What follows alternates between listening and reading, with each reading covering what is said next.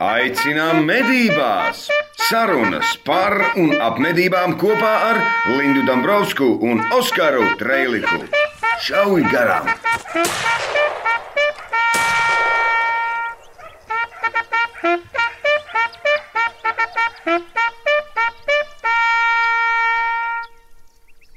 Sijā ieroči. Kopā ar jums jau 25 gadus. Tie ir deviņi veikali visā Latvijā, pieredzējuši ieroču meistari. Šautuvi treniņiem un optikas piešaušanai. Vienmēr laba atmosfēra un jauka cilvēka aiz letes. Pacienās jūs ar kafiju, parunāsiet par medībām, uzklausīs jūsu pieredzi. Arī es dodos uz sijā ieroču veikaliem, tad, kad man jāpērk munīcija, vajadzīgi gaisenes treniņi vai jāmeklē kāda cimdi, cepura vai medība apģērbs. Un tagad iekārtojieties savos krēslos ērtāk, uzgrieziet pietiekamu skaļumu, un mēs sākam podkāstu šauj garām septīto epizodi. Aicinām medībās! Šauj garām! Sveicināti klausītāji! Čau, Linda! Čau, Oskar! Sveiciens jaunā gadā! Mēs esam septītajā podkāstā. Septītais podkāsts, un tas ir tik dīvaini, ka nu pat tikai tā ideja bija, un mēs sākām to darīt, un tagad jau ir numur septiņi. Vispār Neticams. skrejs ir kaut kāds anormāls, man liekas, diezgan liels. Tā, ok, ķersimies, vērsim pie ragiem.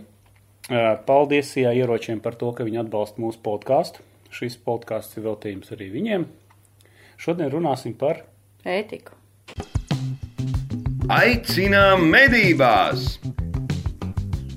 Šauj garām! Ir jaunais gads, ir labas ziņas, mums ir šogad bijuši ļoti daudz abonētāji, kas ir paldies visiem, kas atbalsta žurnālu medības un ir gatavi būt kopā ar mums arī nākamgad.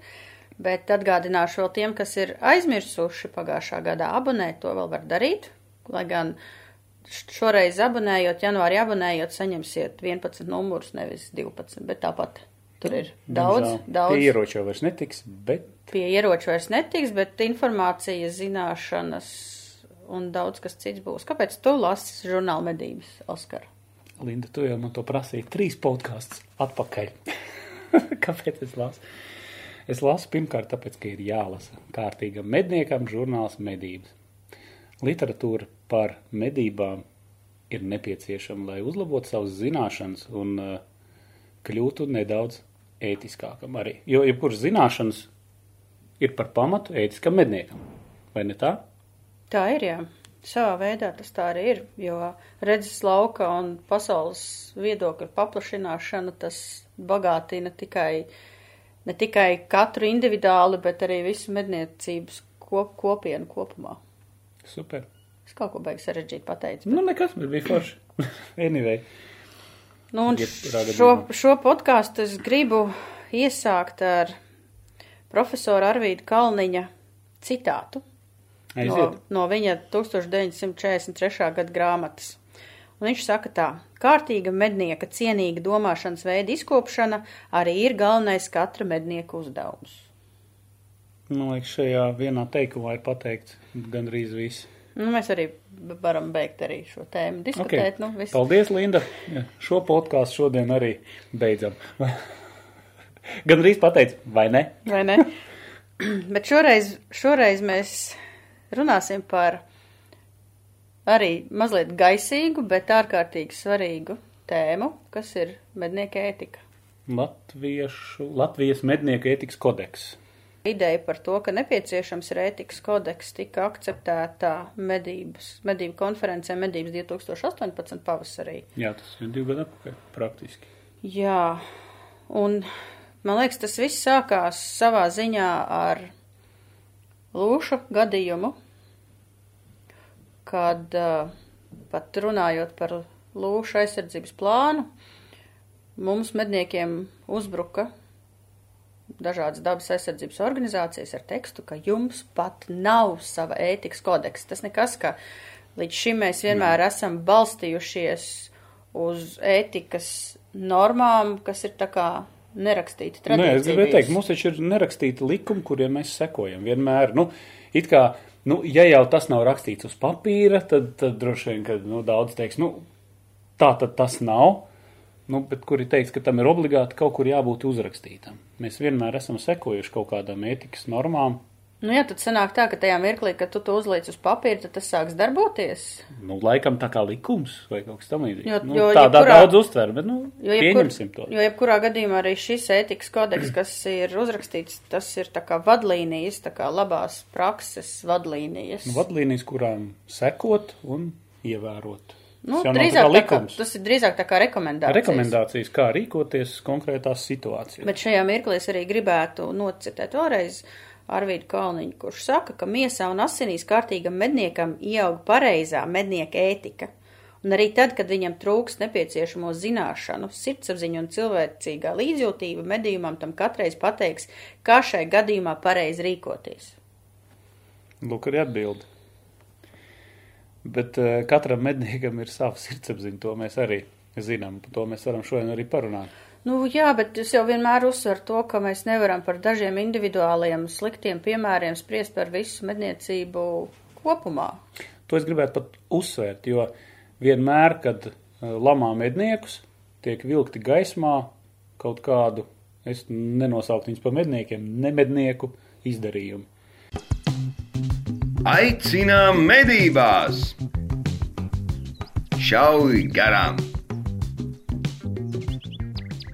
Gatavojoties šim raidījumam, šai epizodei, es pāršķirstīju dažādas grāmatas, un atkal Arvīda Kalniņa grāmatā nav vesela nodaļa, kas ir veltīta medībām, medību ētikai, bet medības, medība ētika tiek pieminēta grāmatas tekstā ik pa laikam. Savukārt Jāņa Vanaga grāmatā medības atziņas un patiesība ir vesela nodaļa veltīta. Medību ētika un tradīcijas. Viņas ētika un tradīcijas, jā.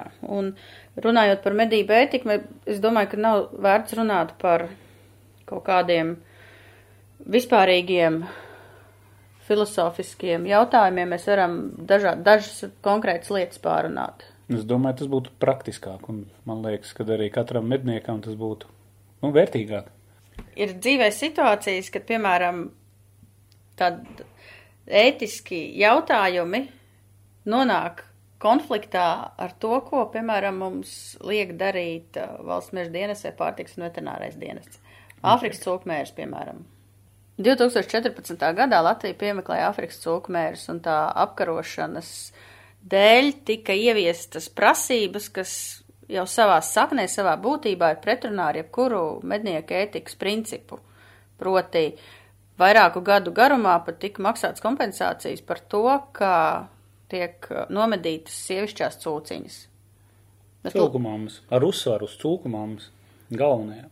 Jā, bet saprot, vienmēr ir uh, mākonis ar sudraba maliņu. Piemēram, Lietuvā bija nosacījums kompensācijas nemaksāja par sivēnu mātēm, kas ir jaunāks par diviem gadiem. Mm. Mums maksāja par jebkuru. Un tad arī gājas īvēna rindiņā. Nu jā, un redz, kur arī Jānis Vanaks savā grāmatā raksta, ka medība ētika nepieļauj, piemēram, meža cūku saimē atņemtās vadoni, cūku māti jā. vai nošaut aļņu govi, atstājot teļus. Nu, un tādēļ tajā mirklī, kad PVD nāca klajā ar to, ka tiks maksāts kompensācijas, es ļoti labi saprotu, ka ļoti daudz mednieki principiāli iestājās pret šo nosacījumu. Ētiski mednieki. Tā to var nosaukt. Bet jā, bet šajā mirklī. Ir grūti, atvaino, ka es tev pārtraucu, bet ir šausmīgi grūti pretoties, nu, saviem pamatprincipiem. Un, nu, ja tu seko kaut kādam noteiktiem ētikas punktiem, tu esi ētisks mednieks, tad šo ir ļoti grūti sagremot. Tā ir, bet atkal no otras puses mēs to varam pastīties. Un es arī ar PVD runāju par to, ka nav, piemēram, vērts runāt par sievišķo cūciņu medīšanu pavasarī. Neviens normāls mednieks pavasarī nešaus sivēnmāti. Nu, jebkuru. Mēs varam runāt tikai un vienīgi par pērnajiem. Protams, var kļūdīties, vienmēr kļūdas tiek. Var, var kļūdīties, un man jau liekas, ka pavasaris vispār tāds audzēšanas laiks visiem zvēriem. Neatkarīgi no tā, ko drīkst, ko nedrīkst medīt. Nu jā, bet mums ir ārkārtas situācija, Nu jā, kur mums ir- un, mums un kā, mēs, kā mēs kā mednieki no ētiskā viedokļa šajā vietā atrodam to pareizo risinājumu. Tādēļ es teicu PVD, ka, un es arī esmu teikusi to Eiropas komisijā, ka ir šādas programmas un šādu mērķi jāuzstāda pareizā laikā, piemēram, rudenī. Kad sivēni jau ir paaugušies, tie var vairāk vai mazāk izdzīvot, un tad arī var medīt vairāk sievišķās cūciņas. Tas ir kompromiss. Tas ir tieši tā, tas ir kompromiss, jo medībās, kā mēs saprotam, nekas nav melns un balts, ir katra situācija ir atšķirīga, un, kā Arvids Kalniņš teica, katram medniekam vadoties no savas sirdsapziņas ir jārīkojās katrā konkrētā gadījumā. Mm, tā arī ir. Aicinām medībās! Šauj garām! Jā, bet Oskar, ko tu saki par to, ka maksāja naudu par sievišķām cūciņām?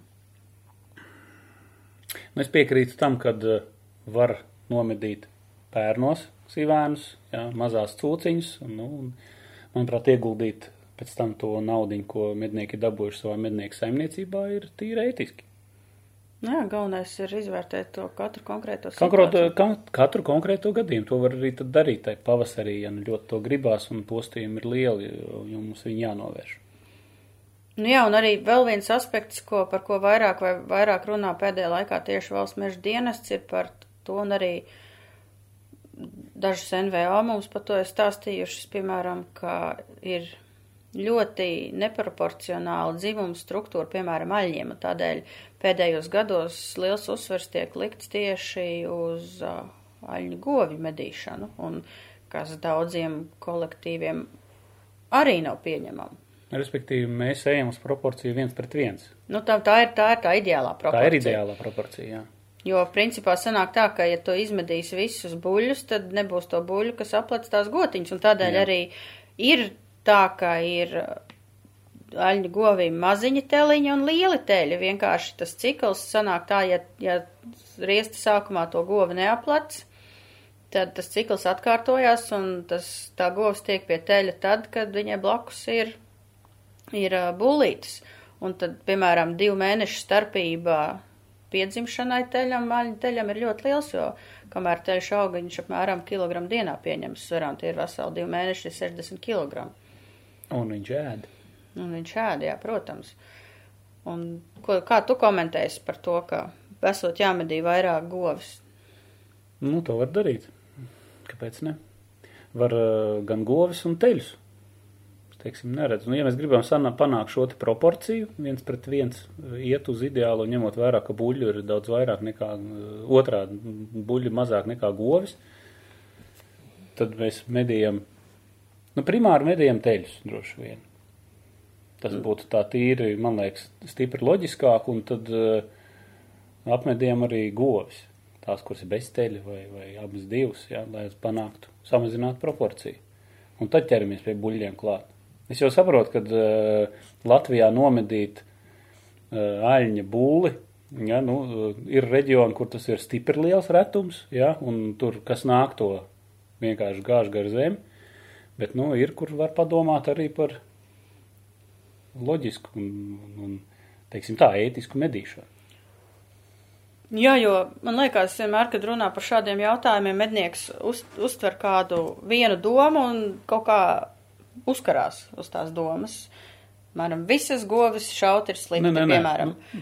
Bet atkal es esmu dzirdējis seminārās, kas stāsta, ka medīt var gadīgās gotiņas. Tas ir pieaudzis dzīvnieks, vecāks pa gadu, skaitās govs, teļu tai vēl nav.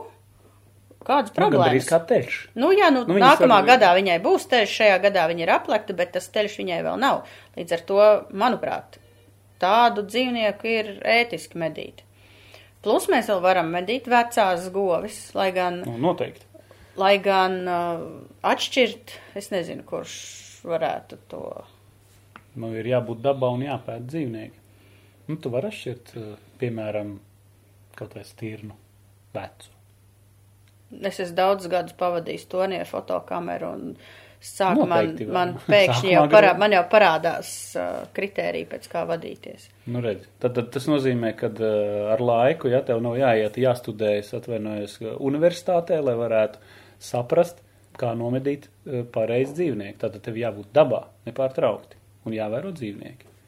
Un tad ir vēl viena, un tad ir vēl viena, vie- vēl viena lieta, par ko es vienmēr aizdomājos, tīpaši dzinējumedībās, ka, piemēram, ir aļņu govs ar diviem teļiem. Vienās dzinējumedībās nomedīja vienu teļu, otrās dzinējumedībās nomedīja otru teļu, un trešās dzinējumedībās nāk viena pati govs, ko mēs nosaucam pēdiņās par ālavu, un, Un garzēmi. Viss ir atkarīgs, kur dzen un kur tā govs atrodas. Viss ir atkarīgs no tā, vai tu domā ar galvu vai nedomā. Da labi. tad, ok, pasaki tad, paturpinot šo te pašu tēmu, vai ir ētiski medīt uh, aļņa būli decembra beigās? Ja tu vari atšķirt, A, kā to rašīt, ja viņam raga nav? Es nu patās, man rādīja bildes, vēl pēdējā nedēļā nomedīts liels bulls bija ar visām lāpstām klāt. Nu jā, bet ir vietas, kur nav. Medī kā govi dzinēja medībās, bez ragiem nokrīt, ai, izrādās, ka tur jau rozetes tikko kā asiņās. jā, bet šeit mēs runājam, es absolūti tagad runājam par to pašu galvenāko no galvenākajiem nosacījumiem, kas ir ierakstīts zelta burtiem medību noteikumos. Zināšanas, Nē, arī, Cieņa. arī, arī, bet atbildība. ko saka, kas ir pats galvenais nosacījums, kas jāievēro pirms tu nospiedz prūdu mēlīti? Šaut par skaidru redzam mērķi. Nu, bet tieši tā. Un ja tu neesi pārliecināts par to, kas tur nāk, Tad ko mēs darām?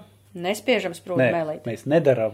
Mēs nedaram. Jā, un, un pat nesen bija gadījums, nu, man tēvs bija medībās un stāstīja, ka viņam nāk alnis. Un viņš skatās, un viņam nav pārliecības, ka tas alnis ir ar ragiem, bet viņam iekšējā balss un instinkti, un tas viss viņam mednieku pieredze saka, ka tur kaut kas nav labi. Viņam tas alnis iznāk pietiekam labā šaušanas attālumā, un viņš nenospiež sprūdu mēlīti. Mans tēvs sprūdu mēlīti nenospieda, tāpēc, ka viņam nebija pārliecības. Tā tad vēlreiz zināšanas un pieredze, kuru tēvs ir guvis gadu laikā, esot dabā un Nu. vērojot dzīvniekus. Tieši tā. Nu, mēs nevaram, es velku arī uz to, ka uh, kārtīgam ētiskam medniekam nevajadzētu braukt uz medībām vienreiz gadā uz dzinēju medībām. Nu, vajadzētu arī aiziet pasēdēt uz gaidu, vajadzētu arī pasēdēt vasarā fotoaparātu un binokli, būt dabā un vērot. Nu, un tādējādi, tā, tā ir tā mūsu, es nezinu, meša ir mūsu universitāte, tā mēs to varētu teikt, vai ne? Tur, kur mēs mācāmies. Jā, jo tas, tas mednieku kursu pabeigšana vēl nenozīmē, ka tu esi mednieks uz tipu un top. Nu, noteikti nē. Tas Tad, tā- tad tikai tu sāc mācīties, man liekas. Tad, kad tu iegūsi mednieku apliecību, tas ir sākums tam, ka tu sāc kļūt par mednieku un paies vairāki gadi. Vairāk gadi līdz tā pieredze atnāk. Godīgi sakot, es vēl joprojām mācos, un katru reizi es iegūstu kaut ko Un, jaunu. protams, tas ir visu laiku. Mēs attīstāmies. Aicinām medībās! Šauj garām!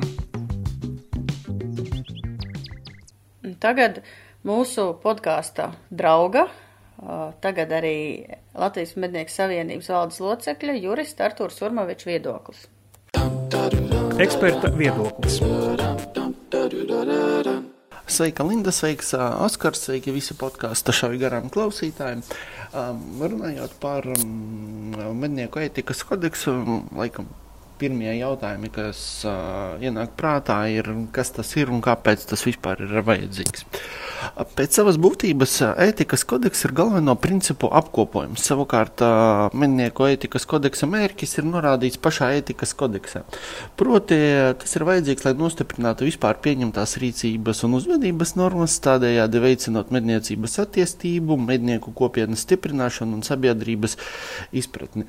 Ā, Varētu teikt, ka mednieku ētikas kodeks nav vērts tikai uz iekšieni attiecībā uz medniekiem, bet varbūt pat vairāk uz ārieni, uz sabiedrību. Ā, Proti, ar ētikas kodeksu mednieki pasaka gan sev, gan sabiedrībai, kādas ir mūsu kopienas vērtības un principi. Um, Jāņem vērā, ka ētikas kodeks neapraksta jebkuru situāciju un smī- sīki un smalki. Tas nav tā uzdevums. Tas dod vadlīnijas, kuru gaismā ir interpretēt uh, konkrētās situācijas. Jo, nu, jebkurus gadījumus ja nepietiks ne papīra, ne vietas, lai aprakstītu. Tāpēc nu, pielietot kaut kādas savas iekšējās, iekšējo vērtību sistēmu un ētikas kodeksa normas. Var iztulkot jebkuru atgadījumu un saprast, tas ir bijis ētisks vai nē. Galvenie ētikas kodeksa principi ir cieņa, zināšanas, atbildība, ilgspējība un tradīcijas. Un katrs no principiem kodeksā ir izvērts mazliet praš, plašāk, bet saglabājot tādas skaidras un saprotamas valodas formu. Un, un jebkurš mednieks var uh, izlasīt, iepazīties un uh, padomāt par tajās ietvertajām normām. Uh, man pašam bija uh, gods darboties uh, darba grupā, kas izstrādāja ētikas kodeksu. Un, uh, priecēja arī tas, ka kodeks savā ziņā ir konferences medības rezultāts, kurā tika apspriesta tā nepieciešamība. Patiesībā diezgan īsi pēc uh, konferences tas tika arī izstrādāts. Taču, kas mani priecē vēl vairāk, ka medniekus ar vien vairāk un vairāk interesē ētikas jautājumi un ētikas normu ievērošana kļūst par pašsaprotamu lietu, nevis uh, atļaušos teikt par kaut kādu izrādīšanos. Tā ir, uh, tā ir, tā ir nepieciešamība, varbūt kā pat drošības tehnikas uh, ievērošana. Tā kā um, esam ētiski, ejam mežā un um, jaktei būt. Paldies! Eksperta viedoklis. Paldies Artūram par viedokli. Zināšanas. Es sapratu, ka tu vakar biji arī sijā ieroči iegājis un parunājis Jā. par zināšanām un medniecību kopumā. Jā. Es biju ieskrējis pie sijā ieročiem ciemos un arī ņemot vērā, ka viņi atbalsta mūsu podkāstus, apsveicājos.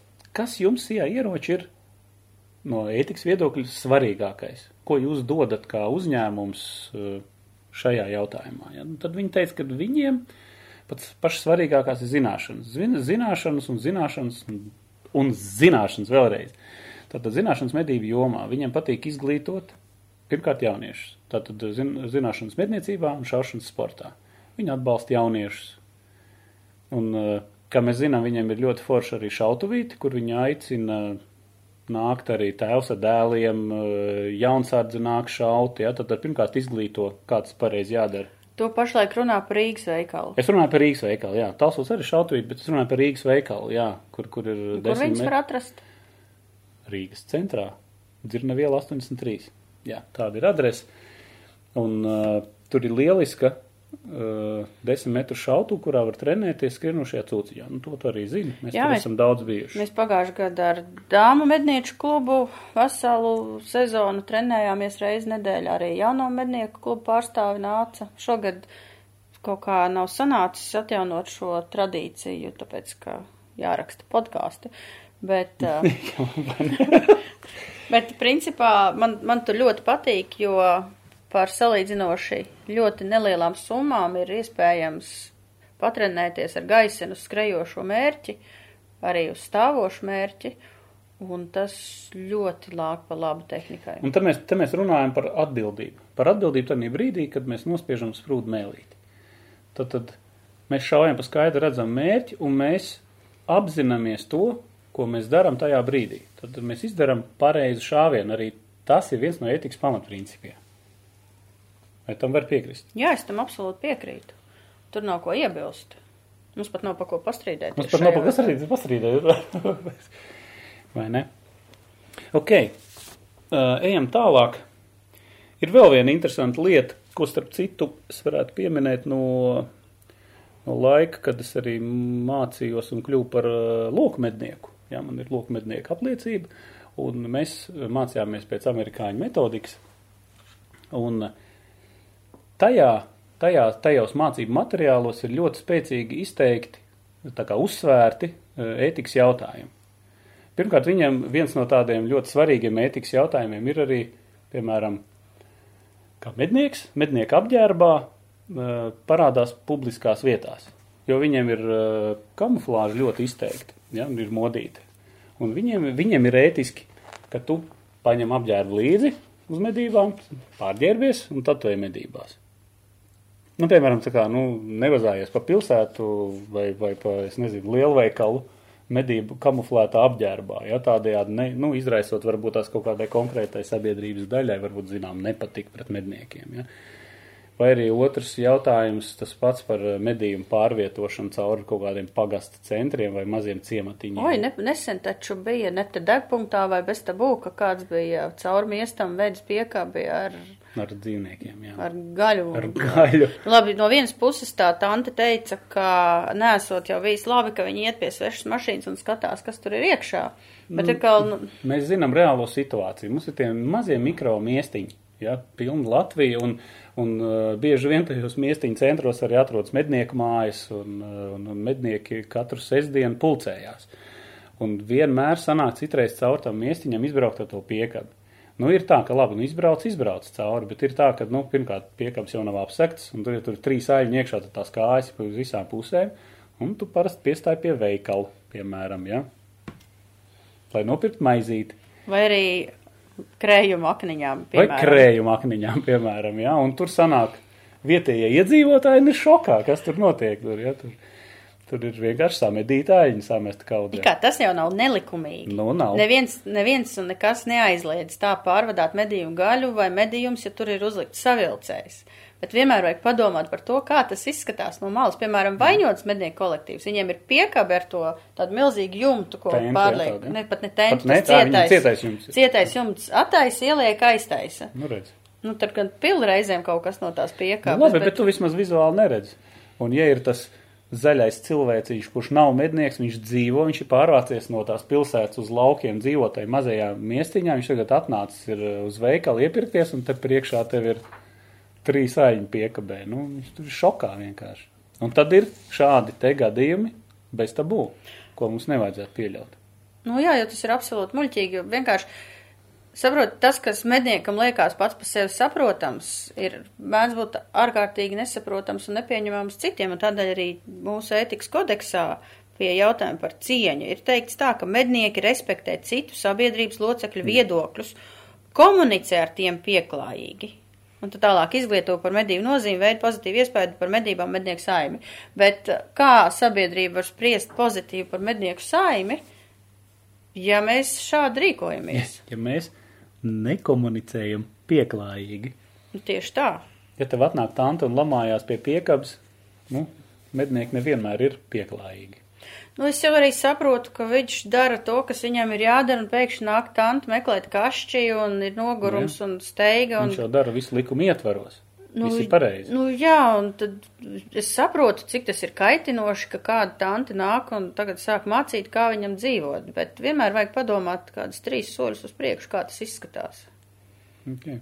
Tas ir tāpatās kā nav smuki, ja ceļu policists stāv uz ielas un pīpē. Nu, tas nav aizliegts, vai man liekas, jau tagad ir kaut kāda ierobežojuma, bet tas izskatās vienkārši Tas briesmīgi. slikti. Tas izskatās slikti.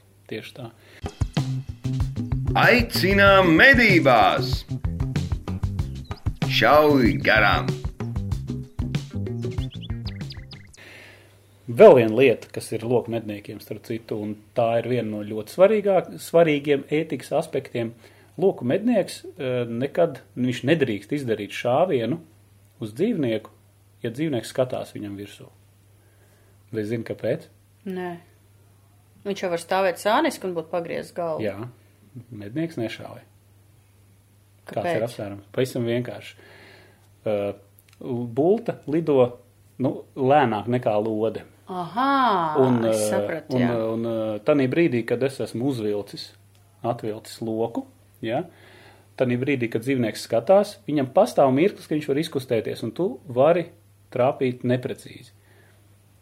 Lūku mednieks ir uh, ļoti atbildīgs mednieks, un viņš trenējās stipri vairāk par uh, citiem uh, šāvējiem, īpaši šaušanas tehniku viņš es- apgūst, viņam ir no ļoti tuvām distancēm jāpielien, un jāizdara precīzi šāviens. Jā, bet es gribu atgādināt to, ka tu nerunā par Latvijas apstākļiem. Nē, es nerunāju par Latvijas Latvijā apstākļiem. loku medības pašlaik ir aizliegts. Tu runā par citu valstu pieredzi, Protams, loku protams. medības ir atļautas. Jā, jā tas, paldies par atzīmi, bet tā tas ir. Bet tas ir ētikas pamatprincips. Nu, kādēļ ne?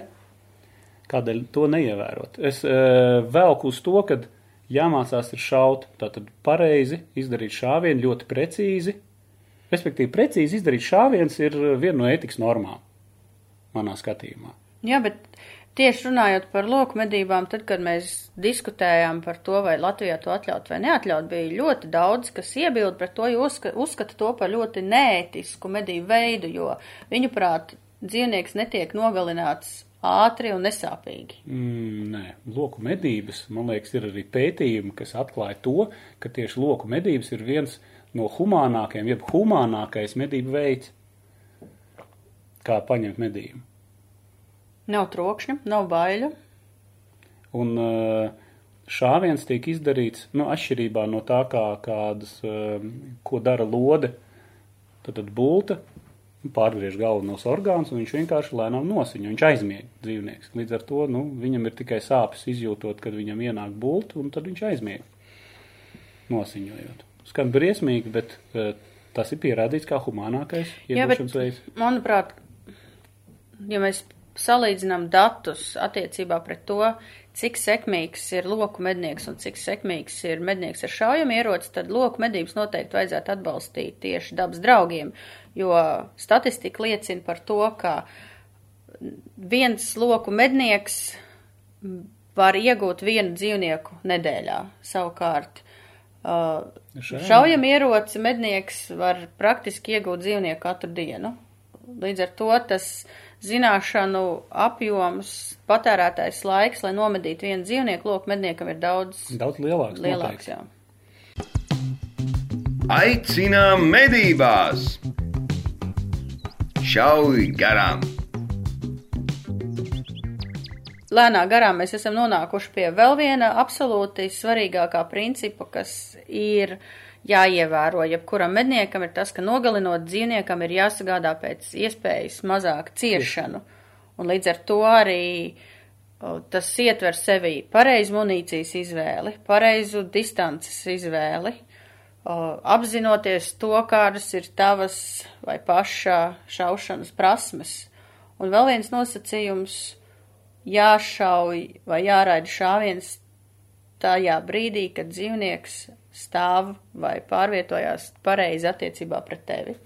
Jo es nu pat lasīju, piemēram, Jāņa Vanaga grāmatā, kur teikts, nav ētiski izdarīt šāvienu aizejošam dzīvniekam pēcpusē.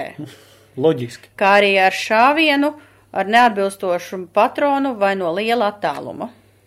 Šādos gadījumos mednieks nav spējīgs gūt gandarījumu, ko dod skaists, pareizs šāviens, un tas negatīvi ietekmē visu medību norisi. Un man te patīk, tas ir šajā situācijā nemedniekiem būs absolūti grūti saprast, ko nozīmē skaists šāviens. Šāviens. tas ir jautājums, vai tas ir ētiski attiecībā pret nemedniekiem tagad apspriest šo jautājumu. Vai šāviens bija skaists? Vai šāviens bija skaists? Kas ir skaists šāviens? Starp citu, pēc pieredzes biju nesen arī vienās medībās, kur mēs nomedījām vairākus aļņus. Un uh, Dīrājot, atklājās, ka viņš ir šauts ar enkuļiem. Nopietni. Jā, nu te ir tas tāda atbilstoša munīcija. Neatbilstoša munīcija. Munīcija, jā. Nu tas bija pilnīgs sviests. Bija, tas bija, bija jūsu kolektīva biedrs vai tas bija iepriekš šauts kaut kad? Nē, nē, nē, noteikti. Tas bija kaut kur citur, un tas nebija manā kolektīvā, tas, ir, tas bija viesmedībās. Bet, jā, tas, nu, tas bija tuvu, es sapratu, ka tas ir tuvu pie, pie vairāku kaimiņu kā robežas. Tas alns varēja būt no jebkurienes. Tur jau bija tāds strutojošs tās, tā kā, jā, jā, jā, strutojošs ievainojums, bet tas, tas ir bijis šauts ļoti, ļoti sen. Jā. Nu jā, es pat zinu, es vairākās medībās esmu pie, pie, piedalījusies, piemēram, sen atpakaļ bijām aļņos, nu, tā kā dzinēja medības uz aļņiem, atskan šāvieni, ejot runāt ar pārējiem pēc medībām, tiem kolektīvu biedriem, izrādās viens onkolis esot raidījis šāvienu uz stirnu, kas vēl sezonas ietveros mm. visi kārtībā, un kamēr viņi vēl kārā to alnī, es pajautāju medību vadītājiem, vai es ar suni drīkstu iet pārbaudīt šāvienu rezultātu, uz ko man kāds no kluba biedriem uzreiz teica, kas tu tiešām iedomājies, ka tas vecais onkols būs trāpījis. Ir man jauns suns, suns paņēma pēdu un apmēram 300 metrus no šāviena vietas sāk riet. Ja suns sāk riet uz vietas, tas ir skaidrs, ka tas dzīvnieks tur ir. Mēs noķeram to dzīvnieku, ātri izbeidzam visu, kas ir jāizbeidz, Un tagad stāvu un skatos un meklēju pirmā šāvienu vietu. Un nekā nav, caurumu nav. Un beigās mēs atradām 11 caurumus cirksnī. O, 11. Skaidrs, ar ko šāvis. Onkols vienkārši vienā stobrā bijusi lode, otrā Renkulīts. rankulīši lapsām, mm -hmm. vai nu izšāvis abus ar vienu aizšāvis garām, ar otru trāpījis, vai arī sajaucis stobrus, un lūk rezultāts. Aicinām medībās! Šauj garām! Jo laiki mainās, mainās tradīcijas, mainās dažādi pieņēmumi un nosacījumi, un visu cieņu vecākajiem klubu biedriem, kuri nes līdzi tās vecās tradīcijas, vēl no viņiem ir daudz ko mācīties, bet ir kaut kādas iesīkstējušās lietas, un citreiz viņu rīcība varētu šķist nesaprotam, un šajā gadījumā, kad tika šauts uz uh, stirnu, izmantojot nepareizu munīciju, man bija kauns. Man bija kauns visu mednieku priekšā par šādu rīcību. Nē, nu, saprot, vecs mednieks bieži vien eh, nevar pārmācīt, un varbūt pat nav jēga pārmācīt, ja? Tas vienkārši nav iespējams. Viņam ir savas tradīcijas vai savi, savas ierašas, kas ir gadu no gada bijušas, tur neko tu nevar padarīt. Ja, vienmēr arī tas ir ne tikai šajā jautājumā, bet arī daudzos citos jautājumos. eh, Bieži vien vecāku gada gājuma mednieki nu, nesaprot daudz lietu, bet visu cieņu viņiem, jo bez viņiem neiztikt un bez viņu pieredzes un zināšanām ir grūti. Nu ja, jā, un- jo, jo tikai tā mēs arī attīstamies. Bet ir lietas, kas nāk, es nezinu, varbūt tas ir no tā padomju laika, ta, tas aizguvums kaut kāds, ja, kad nu, ta, tas pats jautājums par selektīvām medībām, piemēram, ja, kur nu, vecā gada gājuma mednieki vienkārši neatbalsta to. Ja. Tādā veidā. Bet, eh, bet tur jau tā lieta, ka es jau vēlreiz saku, ka viss mainās un mēs no tām savām kļūdām un citu kļūdām mācāmies un neētiski būtu no tām kļūdām nemācīties. Un tādēļ, it kā jau man vienmēr instinkts saka, ka par šādiem negatīvām lietām nevajadzētu publiski runāt, eh, bet, eh, bet mums ir šīs lietas jāpārunā, jāizdiskutē un iespējams daudz par to aizdomāsies. Īsi ieskats par to, kāda situācija pašlaik Latvijā ar mednieku ētikas ievērošanu ir Latvijas mednieku asociācijas valdes priekšstādātājiem Haraldam Barvikam. Klausamies! Eksperta viedoklis. Salīdzinot ar nu, 20 gadus atpakaļ, tad noteikti patreizējā situācija krietni uzlabojusies. Bet uh, jebkurā gadījumā ir nu, teiksim, tā, uz ko tiekties. Un uh, noteikti pie tā ir jāstrādā. Un pie tā jāstrādā visiem. Gan medniekiem ar sevi, gan uh, klubu līmenī, gan arī mednieku pārstāvošām organizācijām. Jo ētika tas ir viens no pamatmomentiem, ka, nu, kas būtu jāievēro. Ne tikai rakstītie likumi jāievēro, jāievēro arī nerakstītās tradīcijas. Eksperta viedoklis. Eh, Paldies Haraldam par viedokli. Nu, mēs varam turpināt sarunu par ētiku. Linda, tā, eh, vēroties uz pagājušo podkāstu, mēs uzdevām jautājumu, vai ne? Mēs varētu pastīties, kāda ir statistika. Tā, kas būtu jādara, lai maksimāli novērstu nelaimes gadījumu iespējamību medībās? Mēs uzdevām šādu jautājumu pagājušā podkāstā, Attiec- zem podkāstā LALV mājaslapā. Te nu ir rezultāti. Jā, jo tas uh, nelaimes gadījums laidzē savā ziņā savelkās kopā arī ētikas principu, kas ir nešaut citu mednieka sektorā.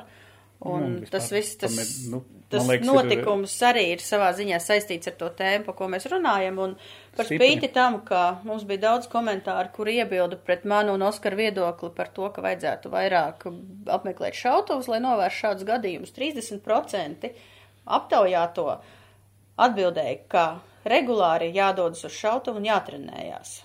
29 saka, ka biežāk jāpārlasa drošības prasības, kas noteikts noteikumos. Nu, gandrīz vienlīdzīgi. Nu jā, un 14 saka, ka vajadzīgi regulāri kursu medību vadītājiem un medniekiem. Ā, 12% uzskata, ka viss ir kārtībā, nekas nav jāmaina. Un 15 piec- saka vienkārši, nu, nav jāiet nav jāiet medībās. medībās. Nu, protams, neies medībās, nebūs, nekas nenotiks. Vai ne? Tas no šī viedokļa, acīm redzot. Aicinām medībās! Šauj garām! Tā, paskatāmies, kas mums ir internetā ārēs, kas mums Facebookā notiek. Facebookā ir viena tāda publiska grupa, saucās Medības Latvijā, Svītriņa Hotava Latvija, un tur administrators Aleksandrs Ribakovs ir uzdevis eksistenciālu dabas jautājumu Starp citu, šodien viņš to uzdeva no rīta un pa tēmai. Tieši tā.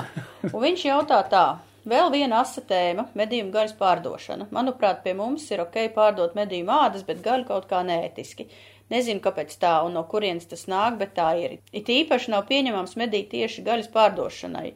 Ja to dara, tad klusē, bet ja nauda liek kabatā nevis medību iecirkņa attīstībai, tad vispār. Kāda ir jūsu attieksme? Vai, me, vai ētiski ir pelnīt naudu ar medībām Latvijā? Bet tas ne tikai attiecās uz gaļu, tas attiecās Nu, arī nē. uz komercmedībām. Nu, kā arī uz komerci. Nu, tas jautājums ir ļoti plašs, bet es domāju, ka viņš uh, vairāk tēmēja tieši uz to gaļas pārdošanu. Bija tas jautājums vērsts. Nu, tā, viņš ir kā vispārīgs jautājums, ja, vai ir ētiski pelnīt naudu ar medībām Latvijā.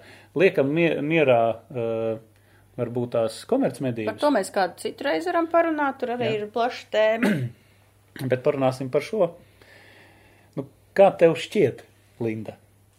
Pārdodam gaļu. E, Bija izskanēja viedoklis, tas arī ir diezgan plašs viedoklis, un es domāju, ka arī tu vari piekrist. Es tam piekrītu. Tanī brīdī, kad tu esi ļoti veiksmīgi visu sezonas garumā apmeklējis medības, tev tās gaļas ir ļoti daudz. Tu esi, tev ir pilns leduskapis, tu esi sadevis radiniekiem visiem, un tev ir, un tagad, nu, nākamā Jāpērk medībā. trešā saldētava. Jāpērk trešā saldētā, tu esi atbraucis mājās ar vēl divām kastēm ar konserviem, nu, bet, un lai vismaz kaut kādā veidā dabūt atpakaļ to ieguldījumu, ko tu esi ieguldījis esot medībās, kaut vai aizbraucot uz medībām, atbraucot atpakaļ, aizvedot gaļu līdz konservu pārstrādes rūpnīcai, atbraucot atpakaļ. Kāpēc nevarētu kaut vai pa pašu izmaksu pārdot saviem draugiem? Jā, jo te ir atkal tā, tā dubultā jautājuma jēga no vienas puses medīt, lai pelnītu. Daudzuprāt, tas nav ētiski. Savukārt, pārdot, ja tev paliek pāri pārprodukcija, to uzskat par ētisku. Piemēram, ā, mūsu pašu apspriestais ētikas kodeks saka, ka svarīgi ir uh, cieņpilni izmantot visu medījumu. Tas nozīmē, ka, kā es vienmēr saku, par runājot par to, ka medniekus paši mednieki iedala vai nu gaļiniekos vai trofejniekos, un tad katrs šī jēdziena, tā kā saka, kokam ir divi gali, vienā koka galā ir gaļinieki, kas it kā ir slikti, un otrā galā ir trofejnieki, kas principā arī ir slikti. Un tad, lai atrastu to vidusceļu, es vienmēr saku tā, ka ir stulbi neizmantot gaļu, ja to esi nomedījis dzīvnieku trofejas pēc, vai arī otrādi, uh, neizmantot trofeju, esi ja es nomedījis gaļas pēc. Nu, tas viens otru principā neizslēdz. Neizslēdz, nu, Un, un viens, manuprāt, tāpatās viens no primārajiem argumentiem, kāpēc mēs ejam medībās, ir, lai iegūtu gaļu, nevis trofejas. Tieši gaļa Mhm. ir tas galvenā pievienotā vērtība. Un ja man kāds radinieks vai draugs saka, ai, tu jau, tu jau ej uz mēžu, tev tur viegli, tu tur man pārdod gaļu, saku, es tev gaļu nepārdošu, tāpēc, ka tu neesi spējīgs samaksāt par to, cik tā gaļa, tas kilograms gaļas maksā, un mēs vienreiz ar tēvu mēģinājām aprēķināt, cik mums reāli mums izmaksā viens kilograms gaļas, gaļas tas bija apmēram 40 eiro. Tas ir pa sezonu. Tas ir pa kopā, sezonu, jā, pa visu kopā. Cik reizes esi braukt, cik reizes pa tukšo, cik reizes Tas, tas. tas neieskaitot ieročus, neieskaitot Nu. apģērbu, neieskaitot treniņus. Tas ir vienkārši Nu, braucot Ok, pakaļ. jo, jo ieroči apģērbs tā jau ir ekstra, kur var būt dažādas cenas. To nerēķinam. Jā. Tādā veidā tīrās izmaksas, vai ne? Nu, jā. Aizbrauc, atbrauc, paņēmi. Es parasti saku, ka es uzdāvināšu to gaļu, nevis pārdošu. Labi. Starp citu, vēl viena lieta šajā te jautājumā, es ievēroju. Īpatnēji skaties. Viņš jautā, kad viņam šķiet, ka uh, mediju mādas notirgot ir ok, bet nu tā kā gaļa, kā nē. Nu, paga, paga. Tieši tas pats jautājums arī pādām ir. Tas ir baigi ētiski. Tagad, nu, tagad es uh, izstrādāju bebrus, man ir kaudze ar ādām, un es tagad viņus gribu notirgot. Bet daudzi tā arī Par dara. gaļu, nu jā, bet to daļu tieši speciāli, lai iegūtu ādas un uz to nopelnītu. Nu, jā, bet atkal, ja tu Nu, gaļas tad, izrietot no tā jautājuma, ja tu to izmanto iecirņu attīstībai, tad ir ok. Jā, tad ir ok. Ja tu iebāz kabatā, pabaro bērnus, ģimeni, Jā. tad nav ok. Tad nav ok. Tas bērns nevar, tad eh, bērns pavarot nav ētiski. Jā, bērns barot nav ētis. Tā sadāk tagad. Bet es arī pieturos pie principa, ir citreiz tā, ka uh, ir labas dienas sezonā, ka tiešām ir daudz un aizvedot pārstrādāt, vai uztaisot desas, vai uztaisot konservus, paliek pāri, un tu pats vienkārši to nevari apēst. Nu, ir tā. Tādēļ to var piedāvāt tiešā patēriņā draugiem radiem, un viņi vienkārši sedz tās izmaksas, kas man ir bijušas attiecībā uz tās konkrētās produkcijas izgatavošanu. Bet, Bet savukārt, ja mēs medīsim, lai speciāli nopelnītu naudu, nododot gaļu, piemēram, pārstrādes rūpnīcai, sev. sev, jā, Jo- tas, jo- nē, tas jo- noteikti nav ētiski. Tur, tur, Nu, jā, bet tu saproti, ir kolektīvi, kas nodod gaļu. Es pat nesen biju kolektīvā raiskumā, kur viņi reāli krāja naudu no dažādiem medījumiem, lai uzbūvētu sev mednieku māju. Nu, tā, ir, tā, nu, tā ir daudzos kolektīvos, eh, kuras esmu bijis ciemos, turpat drustos arī, arī viņi arī medī, un viņi medī eh, zināmu, eh, teiksim tā, daudzumu ar dzīvniekiem, viņi nodod gaļā un attīsta savējo medību saimniecību, noteikti. Bet te mēs varam atgriezties, varbūt tās, nevis atgriezties, bet pieskarties tai tēmai, kas tagad ir izskanējusi un aktuāla, kas bija LALV, jaunā ziņa. Ā, par malu medībām. Par malu medībām, jā, kur, kur nenoķerot pie rokas, uh, nu, ir iet krimināla process. Nu, jā, jo izmantojot, nu, kā, kā tā, tas, tas apsūdzība ir, ka divi brāļi no Madonas puses esot izmantojuši vienu vai divus uh, savilcēju, savilcēju numurus, nododot gaļu Igaunijā. Vairākas reizes. Vairākas reizes, un laikam domāju to, ka Igauni nepamanīs, bet Igauni sadarbojās ar mūsu valsts meža dienestu un pieķēra. Nu jā, un tad sanāca tā, ka uz vienu licenci faktiski tiek nodota tur kaut deviņi aļņi, man liekas, Nu, bija. vai septiņi Vai septiņi. Nu, kopumā tur bija posts pa deviņiem, ja nemaldos. Nu, jā, kad valstī kaitējums aprēķināts 26 tūkstoši eiro apmērā. Vienam, saprotu- vienam brālim, otram saprotu, bija ka- gandrīz 8. Es saprotu, ka spirinās pretī paņēmuši advokātus, ja, bet es saprotu, ka arī eh, advokāti vai vienīgais, ko viņi var likt pretī uz kaut, um, balsto, balstās uz nesakārtoto likumdošanu, noteikumiem un vēl kaut Ne par ko. to, ka nav Bet- pieķerts pie rokas. rokas bet, jā, bet tas ir fakts. Un, un kā teica Madars Zariņš uh, tajā rakstā, ka labuma guvējs jau ir tas, kurš nodeva. Nu, jā, un te jau laikam, nu jā, bet tur ir iesp ļoti iespējams ir kolektīvs darbs, jā, jo uh, pieķēra pie rokas tikai tos, kas ir ierakstīti aktā pie igauņiem, es saprotu. Nu, jā, un vēl, vēl par šo pašu tēmu arī pa ētiku runājot, tas ir jāsaprot, ka mēs nosodam jebkādu nelikumīgu rīcību, jebkādā veidā, tāpēc, ka tas ir uh, kauna traips visiem medniekiem, tas ir slikts piemērs mednieku tēlu veidošanā, jo pa kādu mednieku tēlu veidošanu mēs varam runāt, ja virsraksts pa visu LALV par to, ka divi brāļi pieķerti o, malu medībās, kas ir vēl piedevām, viņi ir likumīgi medīgi. Viņi nav mednieki, kas vienkārši cilvēki, kas nav mednieki un aiziet uz mežu kaut ko nelikumīgi iegūt. Nu, es Tas ir saprotu, ka vienam ir nelikumīgi ieroči arī izņemti, manuprāt. arī jā, vienam. Tā kā, nu, tas pie viena, pie vienām sāpēm.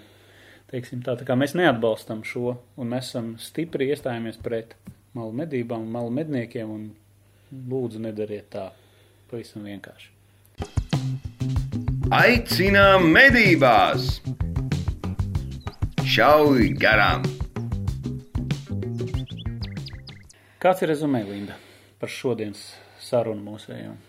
No vienas puses ir tā, ka, kā Arvīts Kalniņš teica, ka tajā darba medību procesā, jebkurš sevi cienošs mednieks nonāks pats pie saviem ētikas principiem, kuri būtībā ir līdzīgi visiem medniekiem. Ir vairāk nosacījumi, kas ir jāievēro, piemēram, nogalināt pēc iespējas ātrāk un nesāpīgāk, izvēlēties pareizo munīciju, izmantot medību produkciju, šaut uz skaidri redzam mērķi, tie ir tie pamata pilāri, uz kuriem balstās visa medību saimniecība. Un pēc tam var apaudzēt ar vēl mazajiem ētikas jautājumiem, Kā piemēram tāpat medījumu godināšanas arī ir ētiski un skaisti.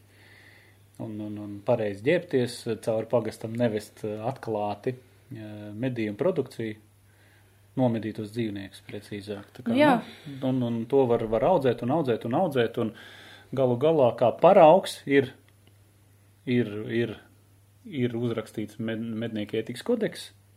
Nu, varam izlasīt, iepazīties un paņemt to, kas jums ir tūs. Tā arī ir. Un jās, jāsaprot ir tas, ka uz mums, uz medniekiem, pašlaik visi skatās kā caur lupu, un mednieku pretinieki meklē un gaida mūsu mazākās kļūdas, lai tās izceltu sabiedrībai un parādītu un pateiktu, ka redz, ka visi mednieki tomēr ir sliktie kaut kādi. Nu, kā nemēģināsim paklupt uz šī ceļa. Tā teikt, asfaltēsim ceļu taisni, lai varam iet pa viņu diezgan droši, ātri un uz priekšu. Un uh, mazliet vēl atskatoties uz iepriekšējām epizodēm, numur 5, kas bija veltīta nelaimes gadījumā laidzē, bija ārkārtīgi skatīta un klausīta. Uh, ir ļoti daudz komentāru, un mums ir uh, arī YouTube kanālā ir ļoti daudz diskusijas izvērtušās tieši par šo jautājumu. Jau rezonancīti sanāca. Un uh, viens kolēģis rakstīja par to, ka esot pareizi, ka tas tā tiek darīts, jo iepriekš šādā veidā neviens no nelaimes gadījumiem nekad nav izanalizēts. Hmm.